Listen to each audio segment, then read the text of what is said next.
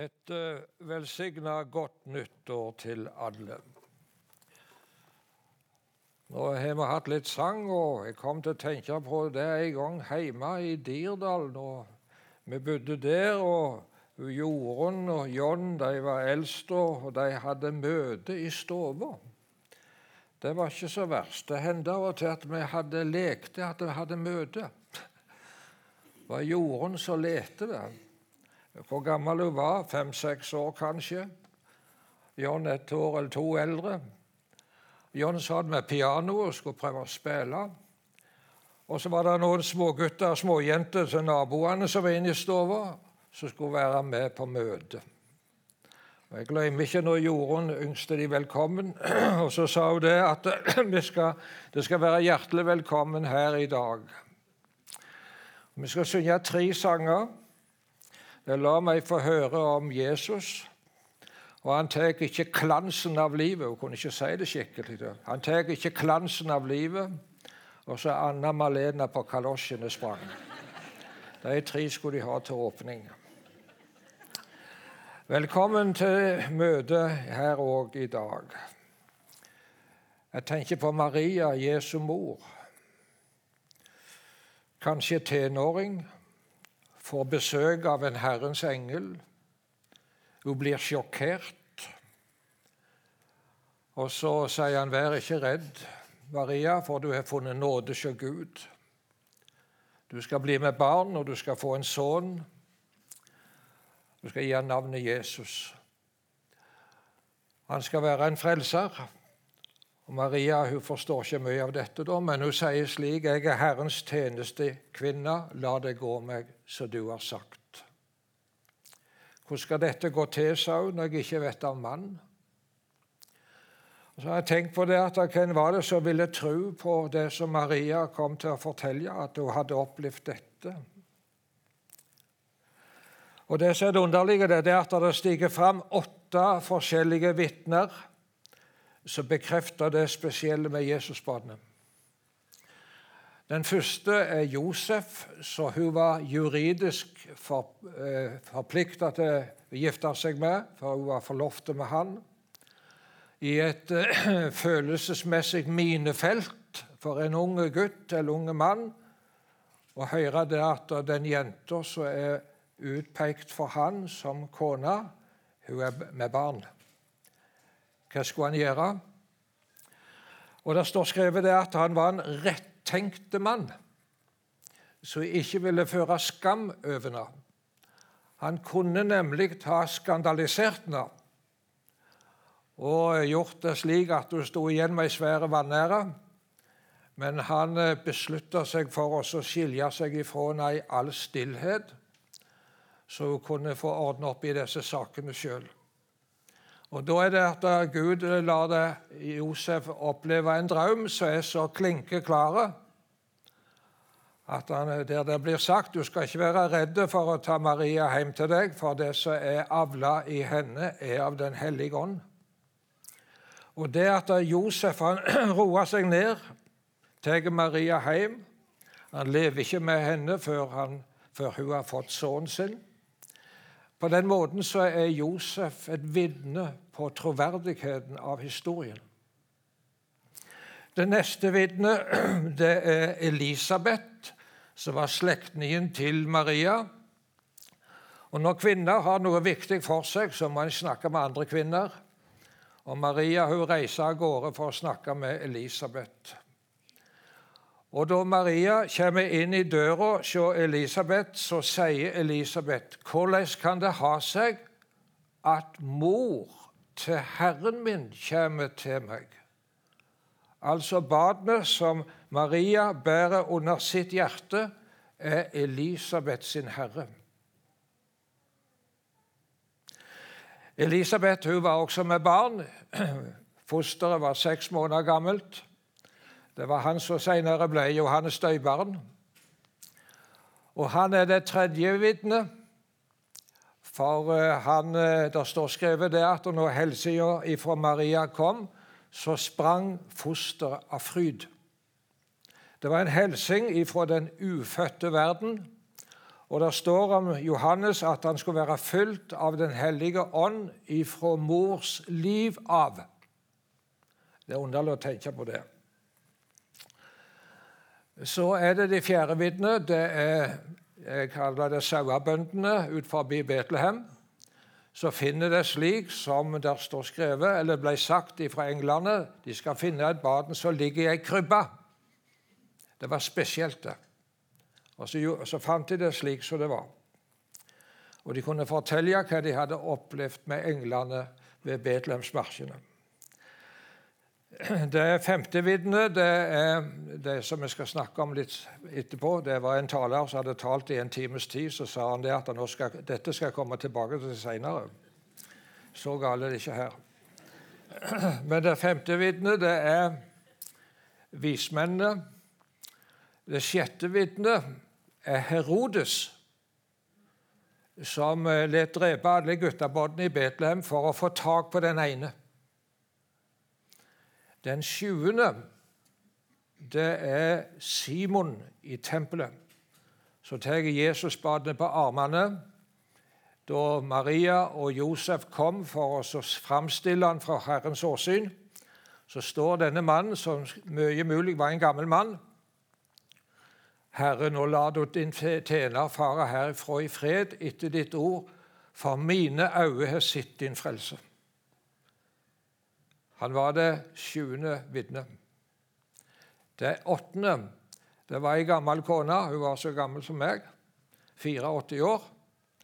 Hun var ved tempelplassen i Jerusalem, og når Maria og Josef kom med badene opp der, så står det skrevet at hun eh, talte til alle om badene som venta på frelse for Jerusalem.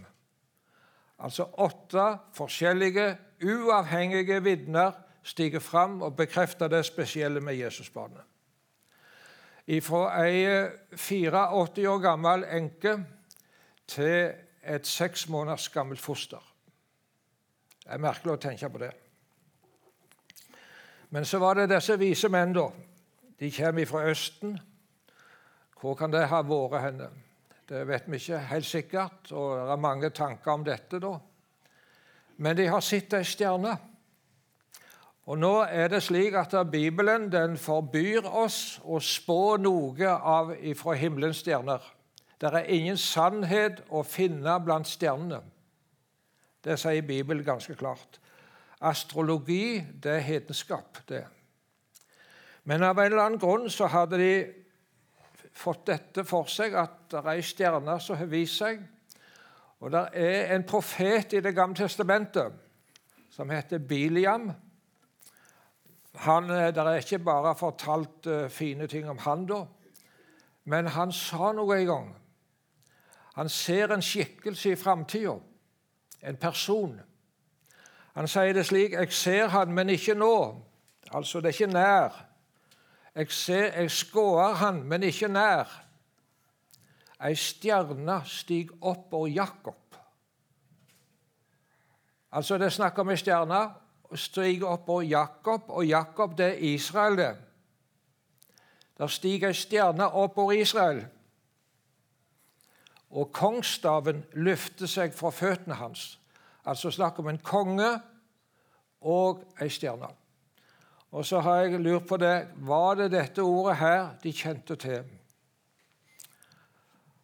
Det vet vi ikke om, men eh, det er liksom en litt oppbyggelig tanke for meg.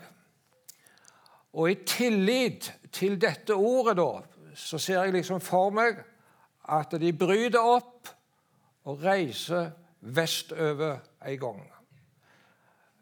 Og Så kommer vi på en uh, litt uh, viktig sak. så jeg synes, uh, Hvis du leser teksten litt nøye, så viste ikke stjerna seg den lange veien fra Østen til Jerusalem.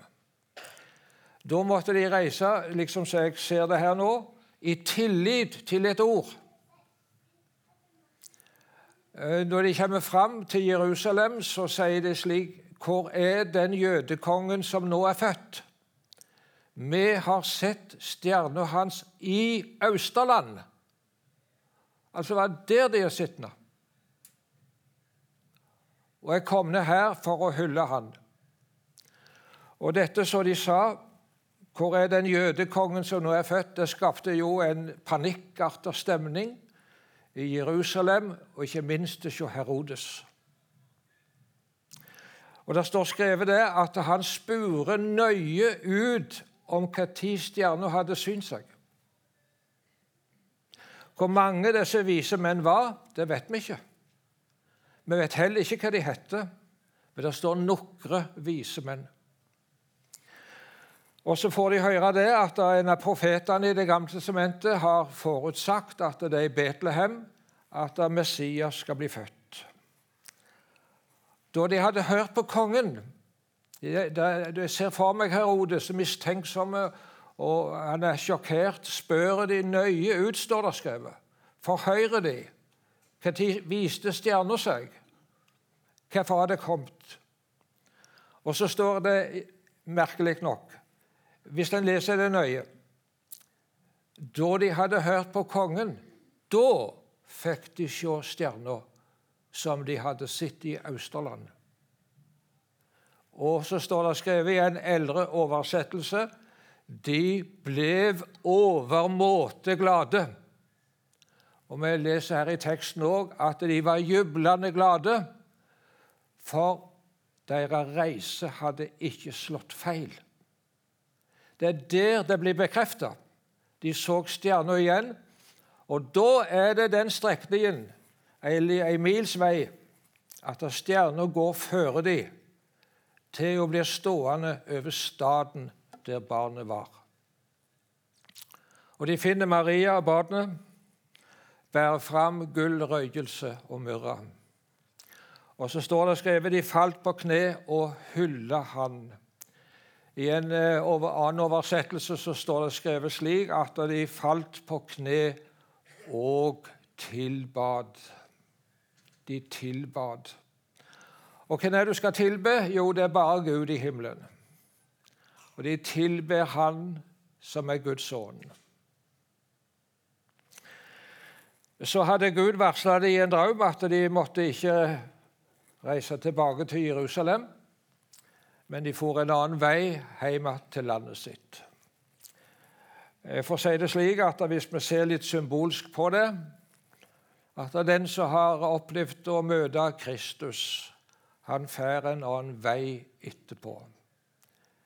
Det vil merkes i livet at det har skjedd noe, en forandring.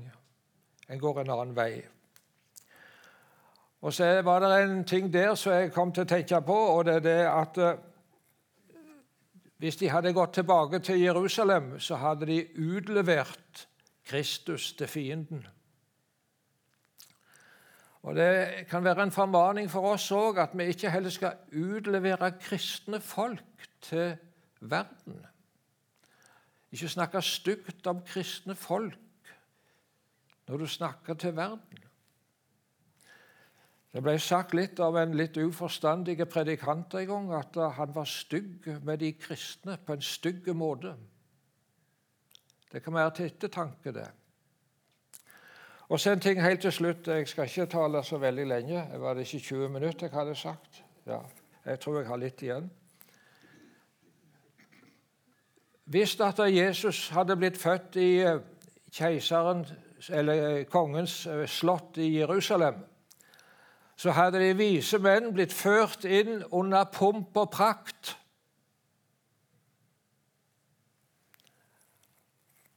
Og de hadde blitt gjort store ære på at de var kommet den lange veien. Men sauebøndene fra Betlehem hadde ikke kommet inn. De hadde blitt utestengt med romerske sverd og spyd.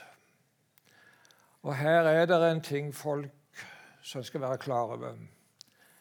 At Jesus er tilgjengelige for alle som vil. Hver den som vil ta imot Han.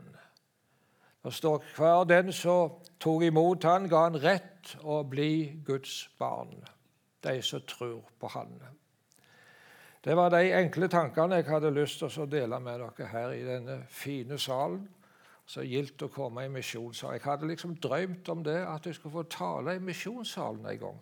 Nå har jeg fått opplevd det. Men jeg ba om det sjøl. Jeg gir oppmerksom på det. Ja.